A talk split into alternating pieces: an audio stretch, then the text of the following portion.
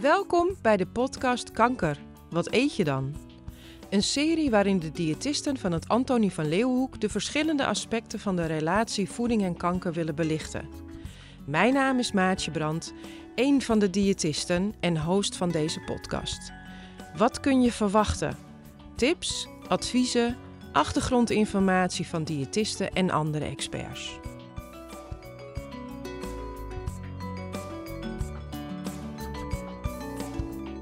In deze aflevering gaan we het hebben over smaakverlies en smaakveranderingen als je kanker hebt. De een houdt van zoet, de ander houdt van zuur, de ander houdt juist weer van bitter. Maar op het moment dat je kanker hebt of behandelingen daartegen, dan kan je smaakverlies ervaren en dan lust je opeens helemaal niet meer wat je vroeger altijd wel lustte. Hoe komt dat? Dat kan natuurlijk deels komen omdat je je niet prettig in je vel voelt, omdat je net een hele nare diagnose hebt gekregen, waardoor je gewoon ook echt minder zin hebt in te eten. Het kan natuurlijk komen door de plaats waar de tumor zit, waardoor je misschien wat slijmvorming krijgt of slikproblemen, waardoor eten heel erg tegen gaat staan. Maar ook de tumor zelf kan stofjes afgeven die een hele andere beleving van de smaak kunnen geven. Daarnaast zijn natuurlijk de behandelingen, de chemotherapie, die voor uh, metaalsmaak of een kartonsmaak in je mond kunnen zorgen. Of de bestraling, waarbij je ook veel pijn kan ervaren in je mond of veranderde smaak kan krijgen. Te gast in de studio is Erik Jan Wissink, ook wel Erik Jan de Smaakman genoemd. Hij is begonnen in de horeca, maar maakte al gauw de overstap naar instellingen, Bijvoorbeeld in het Icacia ziekenhuis of het Diakonesse ziekenhuis, waarbij hij te maken kreeg met oncologiepatiënten die last hadden van een veranderde smaak. Maar nu is hij alweer een tijdje aan het werk zelfstandig voor smaakoplossingen voor mensen die smaakverlies of smaakveranderingen hebben. Welkom Erik Jan. Ja, goedemorgen, dankjewel voor de uitnodiging. Erg ja, leuk. Nou, heel leuk dat je er bent. En uh, ik vind het heel leuk om met jou eens eventjes uh, wat dieper in te gaan op, uh, op die smaak. En wat je daar nou aan kan doen. Of, of in ieder geval kan maskeren of helpen. Of zorgen dat je toch lekker kan eten, ondanks dat je smaakveranderingen hebt. En eigenlijk uh, in mijn opleiding, en dat is best wel een tijdje terug hoor, uh, is er verteld van nou, hè, de, de basissmaken die zitten, die kun je waarnemen op je tong. Maar dat is eigenlijk al een beetje een achterhaald uh, verhaal. Hè? Dat het alleen maar in gedeeltes op je tong zit. Vooraan zoet en achteraan. Ja, de zogenaamde smaakkaart op de tong is, is gedateerd. Ja. Dat was eigenlijk, is dat ooit volgens mij verkeerd vertaald. Ja. Want overal op je tong kun je smaken waarnemen. Dus alle vijf de smaken kun je op iedere plek waarnemen. Ja. En het is niet zo dat je alleen uh, zout dan op je puntje proeft. Want dat zou ook raar zijn. Ja als het zout wat achter in je keel zit, dat je het niet meer proeft. Ja, Nee, dus dat uh, is achterhaald. Ja, precies. Maar die vijf smaken zijn natuurlijk wel heel belangrijk. Ja, dat is de basis, ja. Hey, en je, uh, ook begreep ik dat je, dat je mondholte ook helemaal meedoet met, met het waarnemen van smaak en sowieso mondgevoel en smaaksensatie van de structuur van het eten. Ja. Maar ook je geur, hè? Ja, dat is ook heel belangrijk. Het is eigenlijk uh, nou, je smaakbeleving, dus je algehele smaakbeleving, uiteindelijk hoe je iets proeft of ruikt, uh, is eigenlijk een spel van alle zintuigen bij elkaar. Dus uh, de smaken die je op de tong proeft, maar ook de geur is heel erg belangrijk. Eigenlijk want 80% van wat we proeven, dat ruik je. En daar zit natuurlijk ook een mondgevoel bij, dus een prikkeling maar bijvoorbeeld ook structuren, hè, koud, warm, krokant of zacht. Dat, uh, ja, dat proef je allemaal mee in je smaak. Ja. En uh, ja, als één van die dingen verstoord is, dan uh, ga je sowieso een mindere smaakbeleving ervaren. Ja. Hebben sommige oncologiepatiënten ook ja, bijvoorbeeld de hoofd-halspatiënten, hè, die, bijvoorbeeld een tumor in de mond of in de keel of wat dan ook, dan heb je echt aanwijsbaar een, uh, een oorzaak waardoor je een veranderde smaak hebt. Hè. Maar ook die chemotherapie, waarbij sommige mensen een metaalsmaak uh, ervaren of juist grondsmaak of karton. Uh, dat zijn allemaal hele nare dingen waar mensen ja, toch mee moeten dealen. Je moet toch zorgen dat, die, dat ze hun voedingsstoffen naar binnen kunnen ja. krijgen. Hè? het is best wel een zoektocht soms, denk ik, om te kijken van wat kan je dan wel uh, eten. Het is eigenlijk best wel ingewikkeld, maar ook weer niet. Hm. Ehm, het is ingewikkeld om er eh, ja, als kok, als professional over na te denken van wat er eigenlijk gebeurt eh, als we iets proeven. Ja. Maar als je dat eenmaal onder de knie hebt, dat je weet van hé, hey, ik ruik iets, ik proef iets en er moet een prikkeling in het gerecht zitten, kun je als kok zeg maar je recepten zo opbouwen dat altijd die vijf smaken aanwezig zijn, dat er een prikkeling in zit en dat je eh, de geur stimuleert in het gerecht. Ja. Dat is vanuit het professionele kant, uh, zo zie ik het. Als je dat goed uh, onder de knie hebt, dan heb je ook al meer rendement uit je gerechten. Dus je merkt ook bij oncologiepatiënten, als ik dan receptjes op die manier maak, dat ik van de problemen die we net noemden al misschien 70% oplossen. Ja. Omdat er gewoon wat, er gebeurt al wat meer in je mond. Ja.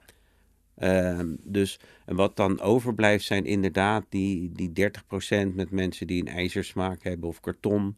Dat zijn wel de, mo de moeilijkste uitdagingen. Ja. Of inderdaad wondjes in de mond. Dat je eigenlijk weer minder prikkelingen kan geven. En dat het eten zacht moet zijn of Ja. gemalen. Ja. Dus dat zijn dan weer andere uitdagingen. Ja. Maar als je het in die volgorde gaat opzetten en je gaat voorlichting geven aan de, aan de groep mensen die last hebben van smaakverandering. Dat ze bijvoorbeeld thuis op die manier ook gerechtjes gaan maken. Dus kun je eigenlijk recepten delen of je kunt dat in een workshop Ja. met ze doen. Dat ze zelf ook gaan ervaren van ja, er zijn wel mogelijkheden om eh, die smaak beter te maken. En dat is eigenlijk ja, waar we met z'n allen eh, onze energie in moeten steken. Ja, ja. ja. Nou ben je natuurlijk als kok daar ook eh, ja, goed in opgeleid natuurlijk. Om een, om een gerecht echt aan al die eh, eisen te laten voldoen. Maar er zijn misschien ook trucjes die je kan toepassen. Dat je zegt van nou, iemand die zegt van ik heb weinig smaaksensatie. Maar hetgeen wat ik nog wel proef is zuur. Dat je dan een gerecht met kleine dingetjes wat zuurder zou kunnen maken Ja, bijvoorbeeld. Kijk, uiteindelijk is het belangrijk om eh, te weten te komen eh, wat eh, goed gaat en wat niet goed gaat. Laat Ja. ik het dan zo zeggen. En Ja. ik zeg altijd van wat niet goed gaat, moet je eigenlijk gelijk vergeten. Daar moet je niet verder op borduren. Nee. Je moet zien te, uit te vinden wat prettig is. Dus als bijvoorbeeld, eh, nou ja, als je een prikkeling in een gerecht toevoegt, hè, dat kan een stukje gember zijn of een stukje peper. En die tinteling maakt dat die smaak en die geur terugkomt. Dan weet je van, nee, ik moet eigenlijk zorgen dat in mijn eh, gerechten die ik maak, dat ik altijd iets van een prikkeling doe. Ja, Eh, dus een stukje gember in een smoothie. Of bijvoorbeeld als je pompoensoep maakt, dat je wat rode peper en wat gember mee pureert. Ja. Eh, om die smaak terug te laten komen. ja, ja. En dat geldt eigenlijk ook voor de smaken. Wat, je, eh, wat ik uit mijn ervaring merk, is de contacten met eh, patiënten, is dat wat je vaak hoort, is dat de tegenovergestelde smaak lekker is. ja. Dus mensen die vroeger van zoet hielden, dus toetjes en andere dingen, Ja. die vinden fris nu bijvoorbeeld lekker. Ja, en dan kun je dus inderdaad zeggen van, nou, yoghurt is fris. Of als je een dessertje maakt, dat je wat limoensap en wat eh, limoenrasp toevoegt om het wat zuurder te maken of wat frisser te maken. ja, ja, ja. Dus ehm, mijn gedachte daarachter is ook van dat als je die vijf smaken er sowieso in hebt zitten, kun je ze altijd verhogen. Ja. Als ze aangenaam zijn. Dus ja. ik geef vaak het voorbeeld van haché. Dat is een beetje klassiek Nederlands gerecht Ja. natuurlijk. Maar er zit van alles in. Hè? Er zit laurier in voor geur. Maar er zit vaak ook eh, wat eh, azijn in. Of Dus is wat bastardsuiker doen sommige mensen erin. Ja. Dus dan kun je altijd bijvoorbeeld de haché wat zoeter maken door een stukje snijkoek mee te koken. Of je kunt hem wat zuurder maken door wat meer azijn toe te voegen of rode wijnazijn toe te voegen. Ja, Ja. Dus dan kun je een beetje spelen met de smaak. Ja, ja. Er zijn er in een aantal ziekenhuizen en instellingen is er een start gemaakt om voor mensen een soort smaakprofiel of een smaakpaspoort eh, te maken. Hè? Ja.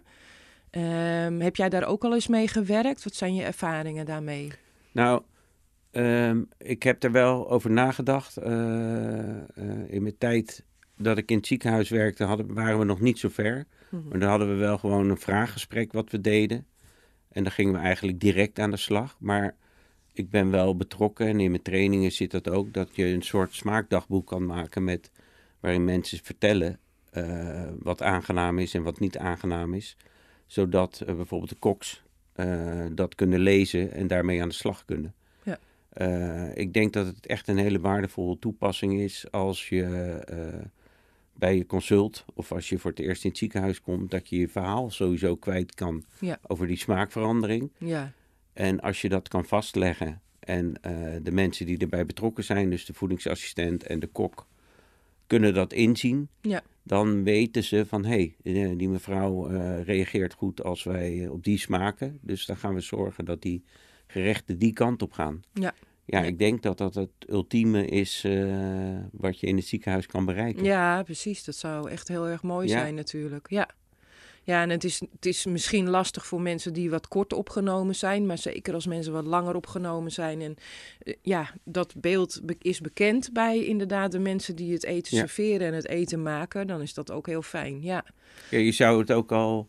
Kijk, ik denk daar natuurlijk ook veel over na, over dat soort dingen, omdat ik in veel zorginstellingen kom.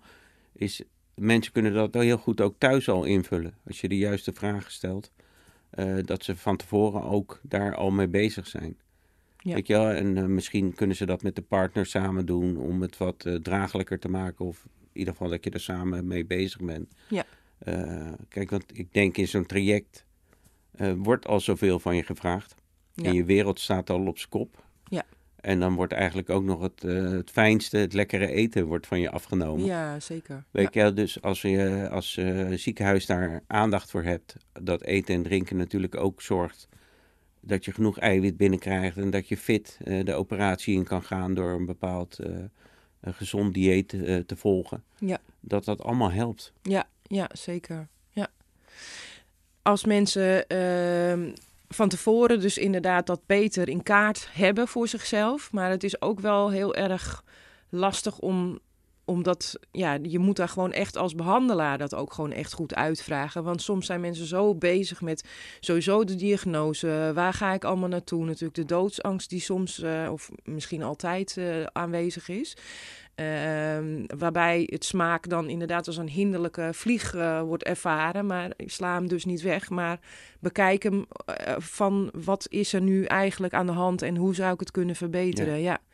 En het zijn vaak ook hele simpele dingetjes. Nee, het moet juist ook heel laagdrempelig zijn. Ja, Want uiteindelijk moet je je voorstellen dat of je nou in de thuissituatie bent, eh, dus op de dagbehandeling bent, of eh, je zit in de opname dat de, de koks voor je koken, ik noem maar wat. ja, Die kok hoeft eigenlijk niet meer te weten van welke smaken zijn aangenaam, eh, zijn de geuren aangenaam en eh, doet die prikkeling wat. Ja, ja. Dus meer hoef ik als kok niet te weten om te zoeken in mijn recepten van hey, nee, dit zijn een beetje zure recepten, dit is wat zoeter. ja, Eh, dus meer hoef ik niet te weten. Ja. Kijk, en als je eh, vanuit de professionaliteit van iedereen, dus iedereen vanuit zijn eigen expertise elkaar helpt, kunnen wij als eh, keuken en koks zorgen dat die smaak en die prikkeling en die geur in orde is. Ja. De diëtist kan onze recepten nakijken, want zit daar genoeg voedingswaarde in, Ja. zitten daar genoeg eiwitten in. Eh, en andere mensen kunnen ook hun input geven, zodat die eigenlijk eh, met z'n allen om die patiënt heen staan. En dat die eigenlijk ehm, dan eh, bij de kok iets kan halen over smaak. ja. Bij de diëtist iets over voedingswaarde, ondervoeding, dat soort dingen, tips. En dan bouw je eigenlijk een veilige haven om de patiënt heen. Ja. Waar ze zich prettig in voelen. ja, Ja. ja. Nou wordt er in sommige instellingen ook nog wel eens met een soort toppingbar gewerkt, hè? Eh, Ja. Wat is jouw gedachte daarover? Want eigenlijk hoor ik jou van nou als kok op het moment dat je, dat je het aanlevert, dan, dan kijk je al naar die, die vijf smaken of ze er zijn en sowieso smaakgestuurd. Hè, als mensen bijvoorbeeld zeggen van ik wil wat meer zuur of... Ja. Ja. Eh, Nou, kijk, ik heb ehm, door mijn ervaring heb ik eigenlijk, eh, ja, het hele concept zit een beetje in mijn hoofd. ja, hoe je, ja, ja, eh, die eh, patiënt kan helpen. Kijk, je moet je voorstellen dat eh, ik werk nu met basis toevoeging top. Dus ik heb een basisgerecht en daar doe ik toevoegingen bij. En ik doe nog wat als topping. Dat kan iets met geur zijn of dat kan iets krokant zijn. Hè? Bijvoorbeeld een crouton op een soep. Ja. Of een nootje wat kraakt. ja, En je moet het dan zo zien, bijvoorbeeld, stel dat je, je wil pasta maken, witte pasta, basispasta. Dan eh, heb je wat tagliatelle, je maakt een mooie crème saus met paddenstoelen en wat uitjes en knoflook. Dus die GPS, die geurprikkelingen smaak zitten in die saus. ja, Maar ik heb eh, als toevoegingen kunnen mensen kiezen van ik wil het met kip, of ik wil het met een garnaaltje, Ja. of ik wil het met vegetarisch, hè, dus misschien met, eh met gefrituurde tahoe. Ja.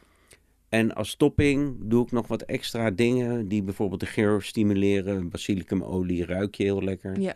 Of ik doe nog wat krokants, eh, wat pijnboompitjes op het laatst. Of ik doe er nog wat rucola bij. Ja. Weet je wel, dus dan is het voor de keuken makkelijk dat je misschien voor iedereen die pasta kan koken. Dus één gerecht. Ja. Maar de een kan het dan kiezen met kip. Of de Ja. vegetarische versie. Of je kan het met vis doen. Zo word je eigenlijk heel flexibel. En als je dan aan het bed gaat vragen wat mensen op hun pasta willen, maak je het heel persoonlijk. Ja. Ja. Oh ja, want ik vind altijd lekker met garnalen. En de ander zegt nee, ik eet thuis altijd met kip. Ja. Dus dan maak je het door eh, die vraagstelling, maak je het eigenlijk eh, persoonlijk, Ja. dat gerecht, zoals ze het graag willen. Ja, precies. Weet je wel, dus dan krijg je als antwoord, ja, ik doe dat thuis altijd, doe ik nog wat rucola en wat tomaatjes bij. Nou, Ja. dat kun je heel makkelijk bij je hebben, om Ja. dat op het laatst eh, Toe te voegen. toe te voegen. Ja. Dus dan sowieso mijn gedachte erachter is, is dat bijvoorbeeld in tomaat zit umami, eh rucola is een beetje pittig, maar pijnboompitjes kraken. Dus dan Ja. kun je ook die, die, eh, die extra stimulans aan een menu toevoegen bij Ja. de gerechten. Ja. En dat maakt het werkbaar. Ja. Kijk, het is natuurlijk lastig als je, eh, ik stel, 100 patiënten in je ziekenhuis hebt. Je moet 100 verschillende gerechten maken. Ja, dat is natuurlijk niet te doen. Nee. Nee. Dus op deze manier kun je bijvoorbeeld eh, eh, het een beetje sturen. Dan kun je bijvoorbeeld ook met een typisch Hollands gerecht boerenkool. Als je basisboerenkool maakt, maar je hebt wat rookworst bij je, of ook wat gehakt, of je hebt iets vegetarisch, een vleesvervanger. En je hebt wat zuurtjes bij je, piccalilli of augurkje. Uitjes. Ja. Ja, kun je het aan het bed of aan het laatste stukje persoonlijk maken, zoals mensen thuis die boerenkool eten. Want de een zal zeggen van ik eet dat met worst en spekjes. Terwijl de ander zegt, ja, ik eet het met een vleesvervanger en ik doe wat, eh, wat kruiden nog erbij. En ik vind het lekker met de augurk. Ja, als je dat van tevoren er al op doet, dan eh, gaan mensen dingen weghalen die ze niet Ja. lekker vinden. Nee, precies. Ja. Dus dat is een beetje die toevoegingen en tops. Ja. Daar zit het spel in, zeg maar, wat je moet spelen met de patiënt om, het, om die maaltijd persoonlijk te maken. ja, ja, zeker. En dat is eigenlijk in de basis vrij eenvoudig. Ja, dat, eh, dat, eh, dat leg je inderdaad heel goed uit. Het is heel makkelijk om inderdaad met een basisgerecht eh mooie, toch persoonlijke voeding te geven. ja, dat en als je zorgt inderdaad dat in die basisreceptuur al die vijf smaken zitten sowieso. En Ja. je zorgt dat er wat prikkeling in zit. En dat er dingen in zitten die lekker ruiken. Ja. dan is dat je basis. En dan ga je die basis nog verder uitbreiden. Ja. Ja, je noemde het net al een beetje tussen neus en lippen door. Je GPS, hè, dat eh, hoor ik je vaker eh, Ja. zeggen. De geur, de prikkeling en de smaak. Dus dat, is, eh, ja, dat zijn belangrijke indicatoren om te kijken van waar voldoet die maaltijd nu aan. Hè? Ja. Ja, ik doe ook wel workshops met patiënten. En ehm, dan maken we altijd vijf gerechtjes. Tenminste, ik maak van iedere productgroep maken we wat gerechten. Ik maak twee eh, smoothies met groente en fruit. Eh, ik maak een soep en ik maak een koud eh, tussengerechtje. We doen iets met een hoofdgerecht en we hebben een dessertje. En de bedoeling is, is dat die mensen krijgen de recepten te zien. En dan heb ik ook achter ieder ingrediënt wat in dat recept zit, geef ik aan of, het, of je het ruikt of je het proeft. Ja. Of dat het een prikkeling is. Ja. Dus eh, ik maak bijvoorbeeld een smoothie met bietjes en rood fruit. Maar er zit een stukje gember in. Een stukje rode peper zit erin. eh, ik doe er wat bietensap in, wat mintblaadjes. Eh, en zo kunnen ze altijd zien van, als ze het dan gaan proeven, van hé, dat is aangenaam. Ja. En nou, dan zeg ik van, nou, als die bijvoorbeeld de mint aangenaam is en die prikkeling is goed, ja, dan kun je gewoon variëren door dat ook in andere smoothies te doen. Ja. Eh, zodat het makkelijk wordt. Een ander voorbeeld is bijvoorbeeld dan eh pasta salade maken we altijd een basis vegetarisch. En daar doen we dan piccalilli bij. Ja. Piccalilli is bijvoorbeeld een hele goede smaakmaker, wat iedereen eh, goed heeft. Ja. Maar daar kun je dan ook weer zeggen van nou, de ene keer dan varieer ik, doe ik wat gerookte zalm erop. Of de andere keer kan ik wat gerookte kip erop doen. Of iets vegetarisch, dat je wat tahoe frituurt. Ja. Dus dan kun je ook variëren met het basisgerecht waarvan je weet dan op dat moment, tijdens zo'n moeilijke periode, dat weet je van hé, hey, dat smaakte toen.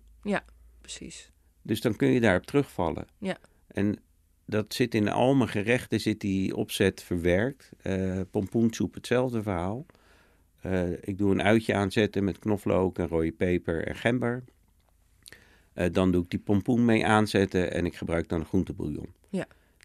Als die prikkeling aangenaam is en die knoflook en die ui werkt goed, dan zeg ik van wissel gewoon de pompoen door bloemkool. Ja. Of wissel de pompoen door een andere groente. Ja. Dus dan is die basissmaak is aangenaam. En je varieert dan gewoon in de groenten. Dus dat betekent dat je eindeloos kan variëren Ja. met een soort basisbereiding. Ja, precies. En dat maakt het voor de mensen, eh, wat ik dan terughoor voor de mensen, thuis ook eenvoudiger. Ja. Ja. Dus als je bijvoorbeeld eh, klassiek eh, Nederlands eet, gehaktballetje, en je weet dat het door de piccalilli of door de zoetzure saus aangenaam is, zorg je dat je een flesje piccalilli en een flesje zoetzure saus thuis hebt. Ja. Dan kun je dat als smaakversterker gebruiken. Ja, precies. Het is inderdaad gewoon echt daar veel meer op inzoomen en daar ook wat meer Ja. mogelijkheden Ja. op hebben. Hè? Dus, Ja. En wat ik vertel, dat zou je natuurlijk eh, binnen het ziekenhuis eh, heel goed in een flyer of in een folder kunnen doen. Dat je die tips en wat voorbeeldreceptjes. Ja. Kijk, het mooiste is natuurlijk als. Ik ben er wel voorstander van dat gewoon eh, de ziekenhuizen workshops met patiënten organiseren. Ja, tuurlijk. Ja. Weet je wel? En dat je dat samen met elkaar opzet. Want dan ervaren de mensen ook van.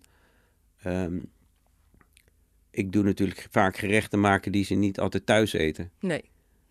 Eh, en eh, vaak merk je dat de gerechten thuis niet werken.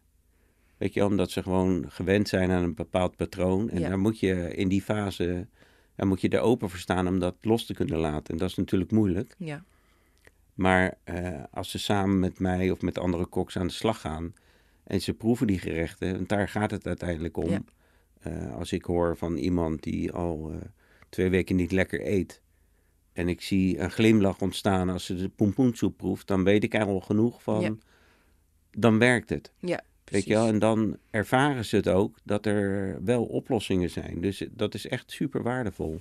Ja, want dat is wel het nadeel inderdaad als je een beetje in je eigen kringetje blijft en, en je eigen gerechtjes en eh, niks smaakt meer. Ja, dan wordt het echt een negatieve spiraal natuurlijk. Ja, ja, Ja, je Ja. ziet bijvoorbeeld ook eh, gerechten uit bijvoorbeeld Thailand of uit de Oosterse. Die zijn vaak wat gekruidiger, wat pittiger. Die merk je ook vaak dat mensen dat dan toch aangenamer vinden. ja, ja. Ik had laatst ook een jonger iemand, die zei dat ook van... eh, ja, ik vind eigenlijk curry's nu opeens heel lekker. Ja. Dus het pittige was gewoon wat het aangenaam maakte. Ja. En ze zegt, nou, ik vond eh, Italiaans ook altijd lekker. Maar nu die tomaat en die kaas, die is heel weeg en dat smaakt niet meer zoals vroeger. Nee. Terwijl ze toen ging ineens zwarma eten, want dat was ook pittig. Eh, dus kruidige en pittige gerechten Ja. waren in die periode eh, belangrijk. Ja, ja. Dus zeker. als je daarvoor open staat om eh, onder begeleiding, hè, dus dat je vanuit het ziekenhuis voorlichting daarover geeft of iets met workshops doet, dat mensen het ook ervaren. Ja. Dat is heel belangrijk. Ja. Ja, zeker. Want, want ja, we hebben natuurlijk allemaal wel een beetje dat smaakgeheugen. Hè? Dat je denkt van, eh, ooit ben ik vroeger een keer misselijk geworden van, ik noem maar eventjes wat, eh, per ongeluk eh, bedorven melk gedronken te hebben. En dat je dan jaren geen melk drinkt, omdat je Ja. dus die negatieve ervaring daarmee hebt. Dat is natuurlijk bij oncologiepatiënten is dat natuurlijk ook aan de orde van de dag. Ja. Wat de een, en, en wat ook, denk ik, belangrijk is, van wat de ene dag misschien niet gaat, gaat misschien een andere dag weer wel. En Ja. ook dat je daar gewoon genoeg tools voor moet hebben om dat te blijven proberen. Ja. Dus ook denk ik wel voor diëtisten en voor andere behandelaren belangrijk om daar steeds wel op te blijven hameren. Van ja, laten we het eens een keer zo proberen. Ja. Ja, kijk, de eigen omgeving, de partner, is natuurlijk ook belangrijk. Die proberen natuurlijk vanuit een eh, oogpunt altijd van ja, je moet wat eten, want dat is gezond hè, en daar sterk je van aan. Terwijl dat natuurlijk heel lastig is in die situatie. Ja. Dat merk ik ook als ik als eh, buitenstaander eh, dat zeg. Ga ik niet zeggen van je moet dat eten. Nee, probeer het gewoon. Weet je wel, neem maar één hapje en kijk of, of het smaakt. Ja, en als het niet smaakt, vergeet dat gerecht. Dat is eigenlijk ook met het overgeven. Mensen denken dat het van de eten komt, maar dat komt natuurlijk van de behandeling. Ja, Maar jouw hersenen leggen die associatie met eten. Dat Precies. is inderdaad wat jij zei van die melk. Dat geldt ook voor als je, je hersenen zijn eigenlijk heel erg sterk daarin. Als je een mossel hebt gegeten ook. eh, dan ga je je hele leven geen mosselen meer eten omdat je daar ziek bent. Ja. je hersenen slaan dat op. Ja. Dat is eh, een slechte ervaring. En dat is natuurlijk ook met oncologie ook wel heel gevaarlijk. Want als je je lievelingsgerecht eet en je moet daarna overgeven... dan krijg je misschien ook een hekel aan je lievelingsgerecht. Ja, precies. Omdat je die associatie maakt. Ja. Dat Ja. je van het eten misselijk wordt. Ja, precies. Dus ja, het is heel erg ehm, eh, ingewikkeld ook wel. Maar eh, als we proberen het heel laagdrempelig te houden en mensen gewoon. Je kan op een afdeling ook eh, mooie tussengerechtjes maken en gewoon zeggen van nou proeft u maar. Ja.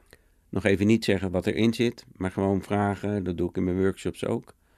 Proef maar, neem maar één hapje. Nou, vaak zie je dan aan de reactie wel van, hey, mensen vinden het lekker. Nou, dan eten ze de rest vanzelf op. Ja. En als het niet lukt, ja, dan probeer je wat anders. Ja, dat, eh, precies. ja. Ja, en sommige smaakveranderingen zijn natuurlijk, het kan langdurig zijn, maar wel tijdelijk. Hè? Dus dat Ja. als mensen bijvoorbeeld chemotherapie krijgen of eh, immuuntherapie, wat soms ook invloed kan hebben. Ja. Maar ook bestraling, wat eigenlijk ook soms wel een beetje een naar, eh, dat het eigenlijk langdurig en voor altijd die smaakveranderingen kan geven. Hè? Dat, is, dat is ook wel iets waar, eh, waar we de laatste tijd steeds meer achter komen. Dat je, dat je soms ook de smaakpapillen echt onherstelbaar beschadigd kan ja, hebben. Ja, Het is wel in heel zeldzame gevallen hoor. Ik kom, we komen het niet heel vaak tegen. Maar het is best wel, ja, dat sommige mensen, Ja. ja, ik, ik ga dus nooit meer dit of dat proeven. Ja. nee, dat is natuurlijk, eh, en dat is het lastige daaraan. Maar ik zeg dan toch van, ik adviseer ook de mensen altijd in mijn training of workshops van, maak thuis toch een soort dagboek van dingen die gewoon wel werken. Ja. Waar je in ieder geval eh, een, een prettige beleving aan hebt. En eh, ehm, kijk, het gevaar is altijd dat je altijd blijft proberen van, vroeger vond ik dat wel lekker, dus ik ga het nog een keer proberen. Ja, ja, En dan wordt het een beetje een frustratie. Ja.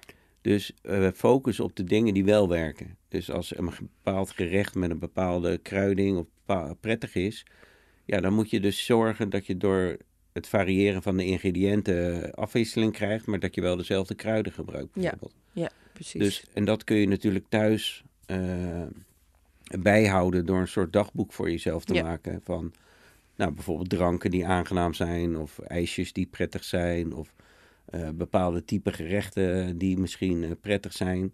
En dingen die, eh, ja, die gewoon niet lukken, die, ja, hoe moeilijk dat soms ook is, omdat je dat heel lekker vond, moet je gewoon vergeten. Ja. Dan moet je eigenlijk opzij schuiven van, nou, dat ga ik niet meer doen. ja, dus precies. focus op de dingen die wel lukken. Precies. Het is altijd ja. fijn om dat te doen. Ja. Ja, zeker. Ja. Zijn er in je, in je praktijk nog wel eens patiënten of mensen geweest die, die, die je bij zijn gebleven? Dat je denkt, hé, hey, nou, daar heb ik echt een hele mooie oplossing voor gevonden. Of, Nou, in de workshops merk je over het algemeen, wat ik natuurlijk eh, merk, is dat we eigenlijk eh, weten we al veel over smaak. Ook eh, met de chefs komen we steeds verder. Het leuke vind ik altijd gewoon als ik door een glimlach zie van dat mensen weer plezier aan het eten beleven. En eh, eh, nou ja, ik ben zelf ook ergens vrijwilliger. Dan gaan we met kinderen met kanker op vakantie. En van de zomer, wat ik zei, die, die, dat, eh, dat meisje, dat, eh, we hadden, ik had wraps gemaakt. Ja, toen had ze er twee van opgegeten, weet je wel. Dus omdat die kruiden, die Mexicaanse kruiden waren pittig. Ja, dan zie je gewoon iemand genieten. Dat is echt superleuk. Ja. En ik denk ook dat we daar onze voldoening uit moeten halen. Ja. Kijk, en ik merk gewoon dat we moeten veel meer die patiënten wijzen door voorlichting of door kookworkshops of andere dingen. Op te wijzen dat er oplossingen zijn. ja, Dus dat we ze een beetje hoop geven dat die smaak niet altijd weg is. precies. Of op een andere manier, Ja. of wat dan ook. En Ja. inderdaad, in heel zeldzame gevallen misschien nooit meer terugkomt, maar daar dan weer oplossingen voor bieden. En in andere tijdelijke eh, smaakverlies, Ja. dat je dan zegt van nou, dan heb ik, eh, ja, dan heb ik gewoon wat oplossingen Ja. daarvoor. Nou, mooie tips eh, heb je allemaal al gegeven, Erik. Ja, ja. En het is natuurlijk ook super superleuk en super actueel. Ook omdat je natuurlijk door corona ook smaak- en geurverlies tegenwoordig uh, Ja, ziet. Ja, zeker. Ja. ik merk een beetje dat, ik, dat de trucjes bij oncologie niet helpen bij corona. Nee, Dus dat eh, wordt weer een nieuwe uitdaging. En Ja. ja, ja verder, ik eh, vind ook, we zijn ook, ik ben ook nog wel bezig om bijvoorbeeld om weer brood bij smaak- en geurverlies eh, eh, te gaan maken. ja. Eh, achter de schermen zijn we daar druk mee bezig, omdat je vaak ook merkt dat de gewone boterham werkt ook niet vaak. Nee. Dat wordt vaak eh, een, een bal. Ja. Dus je hebt toch dan eh, mensen denken van ja, er zit dan aan een brood of bijvoorbeeld zit een hard korstje. Maar dat is juist vaak heel prettig wordt dat ervaren, omdat het knispert en een beetje geluid geeft. Dus Ja. ja. ja, er zijn nog heel veel dingen die, eh, die- waar we mee aan de slag kunnen. Ja, ja. Ja. Nou, mooi. Ja. Nou, dankjewel Erik Jan. Ja, graag gedaan. Ja. Superleuk om hierover te vertellen. Ja. Dit was de aflevering over smaak. In de show notes zullen we allemaal links nog neerzetten. En tot een volgende.